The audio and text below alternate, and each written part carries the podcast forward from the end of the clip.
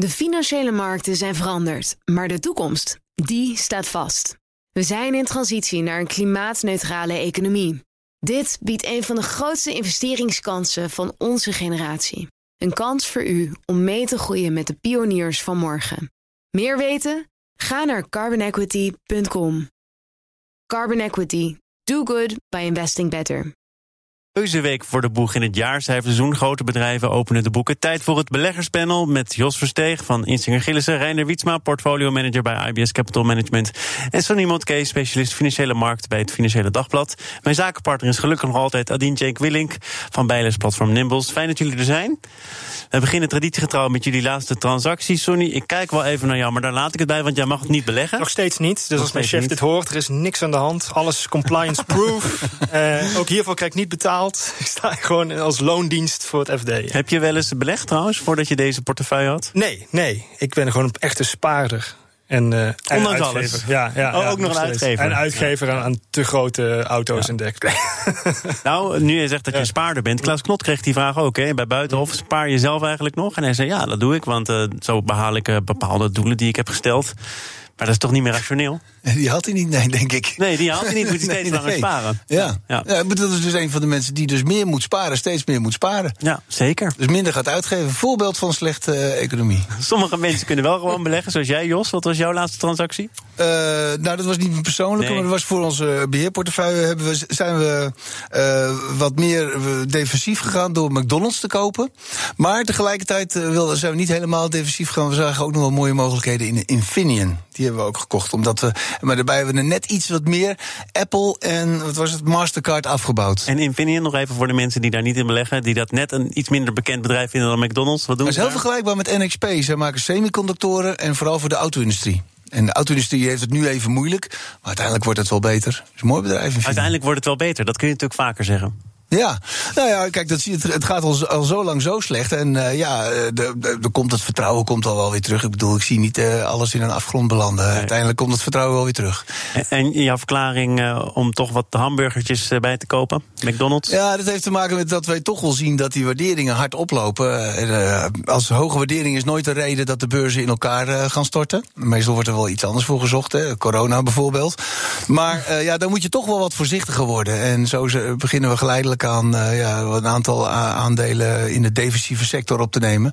Die wat minder hard gestraft worden als uh, de beurs hard naar beneden gaat. Maar verander jij na gisteren, als dan zo'n coronavirus alles in elkaar? Ik, ik, ik, ga nu al een sprong nemen in dit programma. Verander je dan je hele strategie dan? Nee, oh, nee, nee, nee, we hebben maar een paar transacties. Dat is hooguit eh, één per maand, één per zoveel maanden of zo. Je moet. Wat je, het volgens mij. Draaiboek, heb jij een draaiboek voor je neus of zo? Dit was mijn vraag. Oh, nee, nee, nee. nee. Twee journalisten, bij dus. Nee, nee, je moet zeker nooit uit paniek handelen. Je, je moet toch vooral proberen voor, vooruit te denken. En dat doen we dus al een tijdje. Dat we, dat we zien van. Uh, ja, er kan wel eens een wat, wat meer volatiliteit komen. Daar proberen we dan een beetje op voor te sorteren. Door wat. Uh, nou, bijvoorbeeld door neutraal te zijn in de assetallocatie. We hebben half vastrente de waarde en half aandelen ongeveer. En aan de andere kant binnen die aandelenkant wat defensiever te gaan zitten. En waarom afbouwen in Apple? Nou, daar hadden we enorm groot belang in. Dat was heel hard gegaan. Hè. Die zijn vorig jaar verdubbeld. En uh, wij zijn nog altijd positief over Apple. Hè. Ze komen vanavond met, uh, met cijfers. Ik ben er wel positief over. Maar je moet wel bedenken dat uh, de winstgroei zit er niet zo heel veel in. Het gaat meer om de multiple, dus de koers-winstverhouding. Die is verdubbeld bij Apple. En dan zou je kunnen zeggen, zoals ze op de beursvak zeggen, price to perfection. Er is al een hoop goed nieuws naar buiten gekomen. Dat de services het goed deden in december. Dat ze in China redelijk goed presteerden. Dus ja, dan, eh, als die cijfers naar buiten komen, zie je vaak dat het dan wat tegenvalt. Dus ik denk van nou is een mooi moment om eh, snel wat af te bouwen, maar nog altijd een flink belang in de portefeuille. Reinder, met dank voor jouw geduld. Ja, sorry. Nee, ik heb met veel plezier staan luisteren. Ik ben er ook nog. Uh, nee, ik heb met veel plezier staan luisteren. En ik heb uh, in onze portefeuilles bij IBS hebben wij niks gedaan. Oh. Maar ik heb zelf wel een transactie gedaan. Um, ik heb wat aandelen Adyen bijgekocht. Uh, dat is weer eens een Nederlandse onderneming. Daar heb ik er niet veel van. Uh, maar Arjen is een uh, ja, eentje die, uh, die moet het echt van de groei hebben in de toekomst. Dus je kunt dat heel af en toe rustig bijkopen. En, ja, maar dat is meer als je toch iets moet, dan kun je dat. Ik heb zelf een, een, portefeuille van over 20 aandelen. En ik probeer gewoon over tijd bij ondernemingen waar ik nou ja, convictie op heb, die ik mooi vind, waar ik mijn belang in wil uitbreiden, om dat ook te doen. En Arjen is er een die onder andere voor McDonald's ook een deel van het betalingsverkeer nu mag gaan verwerken. maar het is een onderneming die, die hartstikke mooi groeit ook. En je hebt er 20. Verschuift er ook wel eens wat in? Of is het meer bijkopen, afbouwen? Daar verschuift af en toe wat in, maar de, ja, de bewegelijkheid in die portefeuille is zeer laag. En ik probeer vooral gewoon consistent bij te kopen. in dit geval van, van Adyen. En, uh, het was een positie en het is nu een iets grotere positie geworden. Moet je wel lef hebben met dat of niet? Dus de koers-winstverhouding is... Uh... Nee, de, de, price sales is ongeveer 30, de koers-winstverhouding ongeveer 80. Bij Adyen ja. koop je alleen een hele hoop groei... want de onderneming groeit ongeveer 50% per jaar nu al een aantal jaar op rij. Het komt iets af. Er bestaan er drie onderdelen. De ene is de groei van klanten. Onder andere Netflix, Facebook, waar zij het betalingsverkeer voor doen. En ze kunnen steeds meer betalingen doen bij die klanten. En ook nieuwe klanten. Dus onder andere eBay komt dit jaar bij, uh, bij Adyen. Dat is een hele grote deal die ze hebben gestolen van, uh, of hebben overgenomen van nee, PayPal. Ja, heel goed. Um, dus dat is eentje waar het volume ook enorm toeneemt. Maar omdat de marges meer dan 50% zijn bij Adyen, kunnen ze ook echt enorm profiteren van die groei. Ja. Let je bij zo'n Adyen ook op wat het bestuur bijvoorbeeld doet? Want ik weet dat wij daar bijvoorbeeld naar het ja. naar kijken. Ze heel veel opties uh, zijn ze uit het oefenen. Best wel veel. Nou, het, het bestuur is eigenlijk consequent aan het verkopen. Heeft ook die belangen die ze hadden waren ook heel groot en ook enorm waardevol voor de bestuurders. Het honderden miljoenen. Uh, die bouwen ze af. Uh, dat vind ik zelf eigenlijk ook wel logisch. Dat je niet al je eieren op een gegeven moment in één mandje wil hebben. Um, maar over de historie, ja, het management is meer dan al Maar je kunt ook bang worden dat zij misschien minder betrokken raken bij bedrijven steeds meer afbouwen. Dat nou, hoe groter de onderneming wordt, ja. hoe meer je natuurlijk af. Of tenminste, ja. net als bij Mastercard of Apple, dat zijn mensen die honderden miljoenen per jaar kunnen verdienen met salaris. En dan wordt het bedrijf en het businessmodel wordt veel belangrijker. En het businessmodel van Atje is wel echt gegaan van een start-up naar nu een volwaardige onderneming. Uh, maar alignment is er wel genoeg tussen mij en het management, want ze bezitten nog steeds 15% plus van, van Adyen.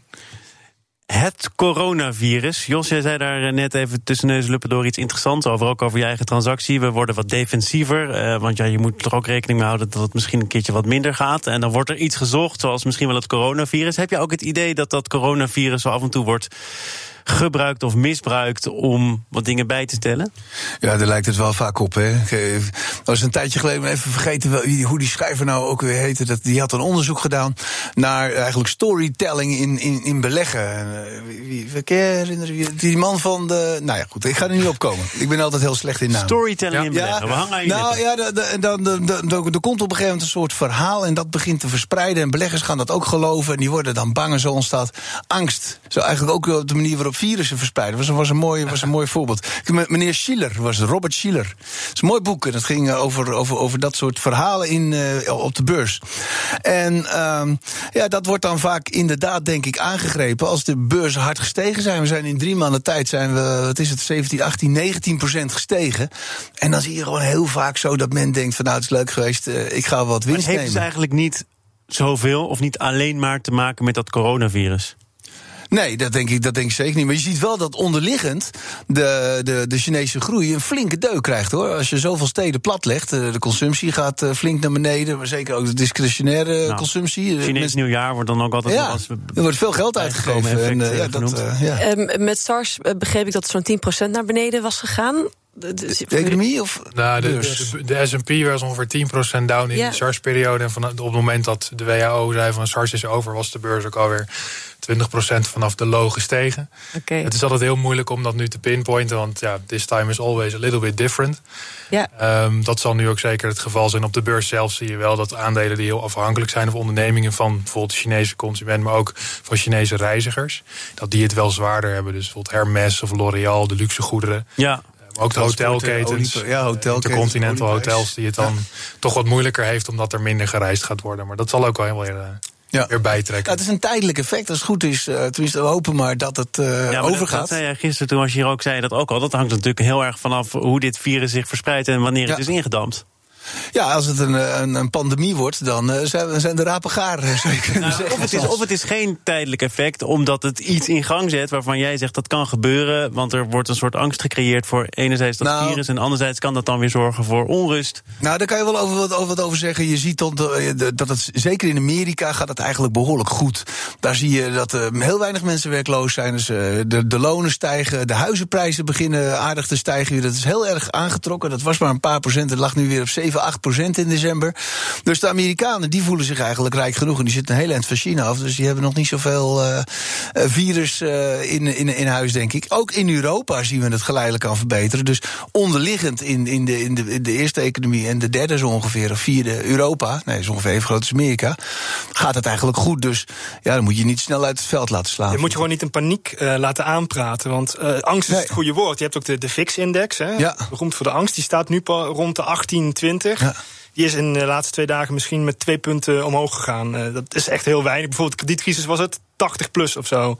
Dus het valt allemaal nog reuze mee. Ja. En je kunt ook, ja, nu ben ik de optimist. Je kunt ook altijd naar de kansen kijken. Hè. Bijvoorbeeld uh, flow traders ging heel erg goed. Dus de volatiliteitshandel, daar kun je nu weer in scoren. Maar ik ja, mag is, nogmaals is, geen is, is, is, een interessant bedrijf ja, inderdaad. Ja. Flow traders, kun je dat nog even uitleggen? Ja, het is flitshandel, dus zij zoeken naar de, naar, naar de heel snel uh, in, in de volatiliteit van aandelen proberen uh, een winst te vinden. Dus snel aankopen, verkopen.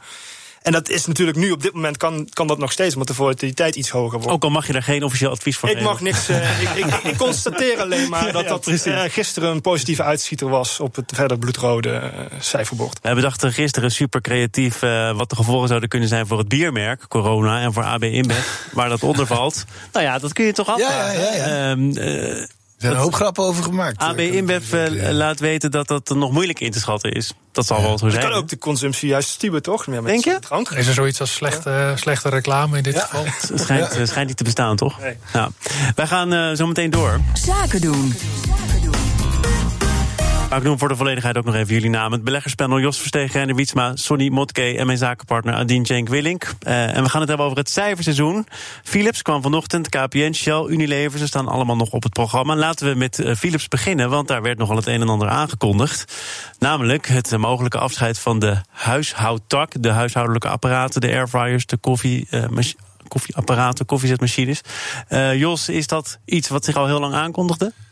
Aankondigde niet, want ze hebben het altijd ontkend en altijd uh, tegengesproken. Ik heb het hier op de zender ook nog eens gezegd. En ik kan me nog herinneren dat Frans van Houten maar vond dat dat allemaal onzin was. Die sprak dat echt keihard tegen.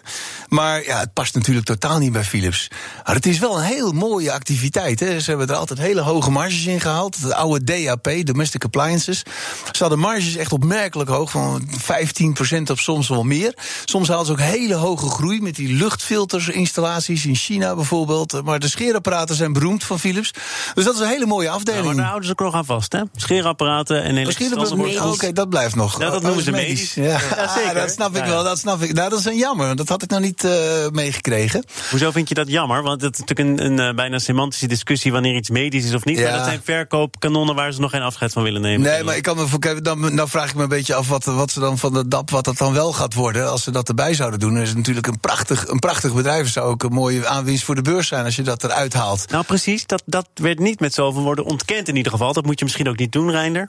Nou ja, gegeven de omvang van wat ze willen afspinnen, het zou om 10% van de sales gaan. Als ik het goed gelezen heb, dan is het maar de vraag of dat een mooie zelfstandige beursonderneming wordt. Zeker als je in consumentenelektronica zit. Dat is niet per se een hele populaire categorie bij beleggers. Daar heb je iets meer volume voor nodig. En ik denk dat in deze markt die ook. Uh, nou, de private equity partijen die weten, weten thuis dingen goed te vinden. Dus ze kunnen het ook wel zonder beursgang. Ik, ik denk dat dit zonder beurs, beursgang ook prima uh, bij Philips uh, de stal uit kan.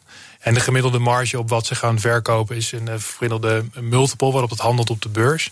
Is wel echt een stuk lager dan voor de healthcare divisie. Want echt het, healthcare segment van Philips staat dus de de parel in het, in het bedrijf. En die is gewoon wel, die trade, als je naar de gemiddelde peers kijkt, op een hogere waardering. Dus als je dit eruit zou halen, zou er voor Philips ook waarde te ontlokken zijn, gewoon het healthcare segment. Ja, maar toch, uh, misschien werd de etalage al opgepoetst. Was Van Houten best wel enthousiast over zijn uh, huishoudelijke apparaten. Ja, zou ik ook uh, zeker zijn op dit moment. Ja, ja. Maar, maar, maar, is, het, is, het, is het maar terecht of is het al bedoeld om kopers te verleiden?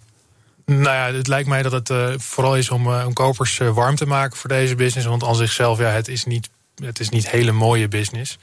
Uh, want je ja, bent gewoon af... ik, ik, ik, heb vroeger wel, ik kan me nog herinneren uh, dat ik de DAP volgde. Ben er nog wel geweest. Zat in Amersfoort, had het hoofdkantoor. Ja. En dat, dat waren echt, vond, ik was altijd wel onder de indruk van die, die marges die ze daar haalden hoor. Het, zal vast iets, het is beter dan, dan gemiddeld. En er ja. zit natuurlijk een, een, klein beetje brand value in voor Philips. Maar het mag de veters niet vaststrekken van de Apples en de McDonald's nee, en de Mastercards van deze wereld. Vergelijkbaar met Logitech. Dat soort, ook zo'n bedrijfje met kleine elektronica waar je nooit verwacht, maar die halen ook opmerkelijk hoog. Logitech haalt verbazingwekkend hoge marges ook. Ja. Maar en dat je zegt van uh, dat, dat medische, of dat nou de parel is bij Philips. Nou ja, het, het medische segment. en de, jammer zijn als dat niet zo is, toch? Dan hebben ze niet veel over. Het, het oude ASML was het echt mooie gedeelte, maar dat, dat heeft een eigen plekje onder de zon gekregen. Alles wat Philips verkocht heeft, is nu uh, goud waard. Uh, dus, Sonny, is ongeveer de regel. Misschien ook omdat voor de kijkers niet, luisteraars niet heel duidelijk, maar je hebt geen Philips scherapparaat. Althans al een tijdje niet gebruikt. Nee, nee. Maar heb je er ook geen over? Wat, nou ja, wat belangrijk is van waar wij naar kijken, de vraag was ook meer van: is het een, spannend seizoen? Wij vinden dat op de redactie nog wel meevallen. Ook omdat voor Philips en ook voor Sligo bijvoorbeeld vorige week. Het zijn allemaal iets tegenvallende cijfers. Uh, maar de dividenden blijven natuurlijk allemaal uh, heel stabiel. Dus ja. Uh, wij zien nog niet zoveel heel spannende dingen gebeuren. Ik heb het coronavirus ook nog niet horen opkomen vandaag bij Philips zelfs. Nou jawel, zij hebben twee dingen daarover gezegd. Enerzijds uh, worden ze daardoor geraakt omdat een deel van hun producten uit China komen. Anderzijds zeggen ze ook, ja, misschien heeft het voor ons ook wel iets positiefs. Want wij kunnen misschien een rol gaan spelen in het uh, diagnosticeren van dat coronavirus. Ja, ik heb, ik heb een jaar geleden heb ik longontsteking gehad. En uh, daar kun je, ja, nee, dat klopt. Dan heb ik vier dagen in het ziekenhuis gelegen.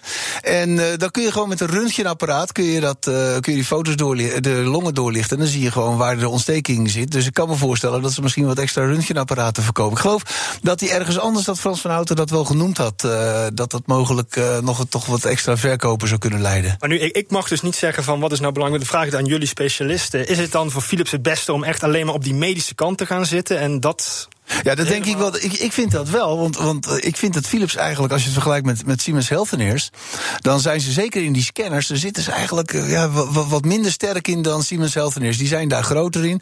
Maar ook als je kijkt naar de mix van systeemmedische systemen die ze verkopen, dan zit Philips wat meer in de eenvoudige emme, of uh, de röntgenscans en de, uh, so, de sonar, hoe heet dat, voor zwangerschaps, die... Uh, echo's. echo's, heel goed, dank je. Daar zitten ze wat meer in. Dat is niet mijn specialiteit verder. Ja. daar heb je wat minder van die die uh, extra uh, service bij. En dat is bij die dure MRI-scans heb je daar veel meer extra serviceinkomsten. En dat is bij, bij Siemens Healthineers wat beter. Dus ik, ik vind Siemens Healthineers duidelijk beter dan Philips. Maar misschien denkt Reiner dan Ik zou daar niet uh, mee okay, in discussie willen. Meer in de general, hoe meer gefocust een onderneming is... en hoe hoger de kwaliteit van de producten... ook hoe meer waarde beleggers daar gewoon aan kennen. En Philips heeft nu een enorme productportefeuille... met nou ja, scheerapparaten tot echoapparaten tot andere dingen... Uh, en daar wat meer focus op aanbrengen lijkt me nooit verkeerd. Ik wil met jullie naar Shell, onder andere. Dat komt donderdag met cijfers. Uh, en daar kunnen we vooruitblikken. Maar een algemener beeld is: weet je dan wel hoe een bedrijf ervoor staat. Ik heb het zelf ook wel eens gedaan. Dan bellen wij analisten, zoals Jos bijvoorbeeld, of anderen. En er zijn analisten die zeggen: Nou, bel me over een uurtje terug, anderhalf uur terug. Het is nogal complex. Dat komt omdat er verschillende begrippen worden gehanteerd. Uh, verschillende begrippen die nergens anders een plek krijgen, die Shell misschien wel zelf verzonnen heeft, met een handjevol andere bedrijven of helemaal op eigen houtje. Wat kun je in algemenere zin daar dan nog over zeggen, Jos? Ja, dat is een hele, hele, hele interessante probleem wat je aan, uh, aanhaalt. Heel simpel gezegd uh, is de kwartaalcijfers van Shell is 5 miljard dollar winst. Dat is ongeveer waar je vanuit moet gaan. En dan geven zij zelf geven zij aan van, van met elke dollar in de olieprijsstijging verdienen we zoveel miljoen. Dus je rekent uit hoeveel is de, de olieprijs gemiddeld gestegen. En dan kom je ongeveer erop uit. Maar ja, welke olieprijs heb je? Uh, tegenwoordig zitten ze met gas. Nou, voor gas neem je dan de Henry Hub prijs in Amerika. Dat is een hele lage prijs. In, in Europa is die hoger. En in Azië is die nog weer hoger. Dus je krijgt een hele rare mixverandering. En het gevolg is dat eigenlijk niemand een idee heeft wat de ongeveer de kwartaalwinst van Shell zal zijn. Het, het verschilt heel veel. Zit er nou iets van een percentage in die uh, omzet uh, dat uit duurzame energie komt? Bijna niets. Heel weinig, ja. Dat is een paar procent. Dat is zonde. Uh, ik heb uh, de voorzitter van de Raad van Commissarissen van Shell wel eens gesproken, meneer Holiday. En die zei eigenlijk: uh, ja, Shell, dat, dat zijn ingenieurs die willen olie, grote olieplatforms bouwen. En die zijn er helemaal niet voor windmolens. En daar heeft hij denk ik wel gelijk in. Morgen komt hier Mark van Baal van Follow This. Ja, die zal er niet blij mee zijn. Met wat niet? Met, met die opmerking van Holiday. Nee, nee, ja. precies. Nou ja, ik heb ook wel eens gelezen dat Ben van Beurden zei... ja, ik ben door de aandeelhouders niet aangesteld om, om het allemaal in de grond te laten zitten. Nee, dat klopt ja, ook. Dat klopt ja. uh, formeel gezien denk ik wel zo'n beetje. Uh, maar ik wilde nog even terug naar die discussie over winstcijfers... en of er misschien strengere regels moeten worden opgesteld. Volgens mij is er een Europese beurswaakhond... en ook nog een boekhoudersclub, ook in Europees verband... die hebben gezegd, uh, er is eigenlijk ook geen touw meer aan vast te knopen. We moeten dat wat beter reguleren. Ja, dat, is mijn woorden eigenlijk. Hè? Ja. Maar Reinder, hebben ze daar een punt? Nou, misschien meer van een afstandje, omdat Shell zo'n gigantisch bedrijf is dat over de hele wereld actief is. En dat geldt niet alleen voor Shell, maar voor veel meer nee, ondernemingen. Precies, precies. Heb je enorm complexe boekhoudregels, waarbij winst een heel relatief begrip is. Want wat Shell zegt dat winst is, resulteert helemaal niet in uh, cashflow. Dat kan best zijn dat die winst van een heel deel gewoon papiermatig tot stand komt. Dus als belegger weet je ook niet, ja, 5 miljard winst is een soort garantie, zeg je Dan denk ik altijd van, nou, als dat een semi-garantie is, dan wat verdienen we nou echt? En dat is natuurlijk een enorm ingewikkelde exercitie voor de buitenstaander. Weten ze het zelf nog? Ja, ze weten het zelf heel goed. En waar je eigenlijk naar moet kijken is de kaststroom. Van hoeveel cash komt er binnen. En dat is heel belangrijk, want dan kunnen we ook al zien uh, of ze genoeg geld hebben om dividend uit te keren. En dat is toch wel waar heel veel mensen naar kijken bij Shell. Ze hebben een hoog dividendrendement. En dat willen we wel graag gehandhaafd zien. En des te hoger dat dividendrendement wordt, hoe groter de markt de kans inschat dat dat eens een keertje niet gehaald kan worden. Maar Shell is het enige bedrijf volgens mij ter wereld zo'n beetje wat na de Tweede Wereldoorlog nooit zijn dividend heeft uh, verlaagd. Boeksteen van de portefeuille. Ja, nou, ik, oh, nee, zeer zeker niet. Um, want het feit dat ze dat in het verleden altijd gedaan hebben, geeft net zoveel garantie over dat ze dat morgen altijd zullen blijven doen. Uh, grote concurrent ExxonMobil sloot gisteren op de laagste koers in tien jaar. En die geven gewoon aan dat ze komen daar cash tekort voor dividend. Die moeten weer heel veel geld gaan stoppen in assets om die olie maar uit de grond te krijgen. Het wordt steeds duurder om dat te doen. En de makkelijke olie is uh, een paar jaar geleden wel gevonden. Is dit een voorbode? het lijkt me logischer dat het op een gegeven moment een keer niet lukt, dan dat het altijd wel zal blijven lukken. Dus dat het in het verleden heel lang wel gelukt is, geeft op geen enkele manier een garantie dat de hoeksteen in de portefeuille ook. Maar wat moet er gebeuren dat Shell daar inderdaad ooit van afwijkt? Dan moeten er geen geld meer in de hens staan? Of uh, de, de duurzame. Uh, nee, heel, heel la, hele lang, heel lang, hele lage olieprijzen en gasprijzen zullen ervoor zorgen dat er op een gegeven moment gewoon lang minder binnenkomt dan eruit gaat. En maar heel lang als consistent in één jaar. Want nou ja, we zien dat de olieprijs dit jaar, ondanks alle problemen in Iran, gewoon 15% lager staat. En dat kan als het een tijdje vol blijft door blijft gaan. Maar wat je wel ziet is dat die oliemaatschappijen interen op hun reserves. Hè. Er wordt al geruime tijd, zeker bij Shell ook, is de voorraad olie in de grond, die, wordt, wordt minder. Want ze, ze produceren minder, meer dan dat ze vinden. En ja, dat gaat een tijdje goed, maar op termijn leidt dat natuurlijk wel op een tekort aan olie. Dus dan kan die prijs weer omhoog. Ik dacht, groot risico, Jos Verstegen, over de olieprijs laten praten. En dat dan ook nog binnen de tijd. Maar het is toch gelukt. Oh. Jos, fijn dat je er was. Uh, senior analist bij Insinger Gillissen. Reinder Wietsma, portfolio manager bij IBS Capital Management. En Sonny Motke, specialist financiële markten van het Financiële Dagblad. Gaf het afgelopen half uur geen advies, maar constateerde slechts. Adien, fijn dat je er was. Tot de volgende keer. Yes. En morgen is hier dus, zoals reeds aangekondigd, Mark van Baal van Follow This. Onder andere over de jaarcijfers van Shell. Zometeen eerst Newsroom, de dagelijkse podcast van het FD en BNR, gepresenteerd door Mark Beekhuis. Veel plezier en tot morgen. De financiële markten zijn veranderd, maar de toekomst, die staat vast. We zijn in transitie naar een klimaatneutrale economie. Dit biedt een van de grootste investeringskansen van onze generatie. Een kans voor u om mee te groeien met de klimaatoplossingen van morgen. Meer weten? Ga naar carbonequity.com. Carbon Equity. Do good by investing better.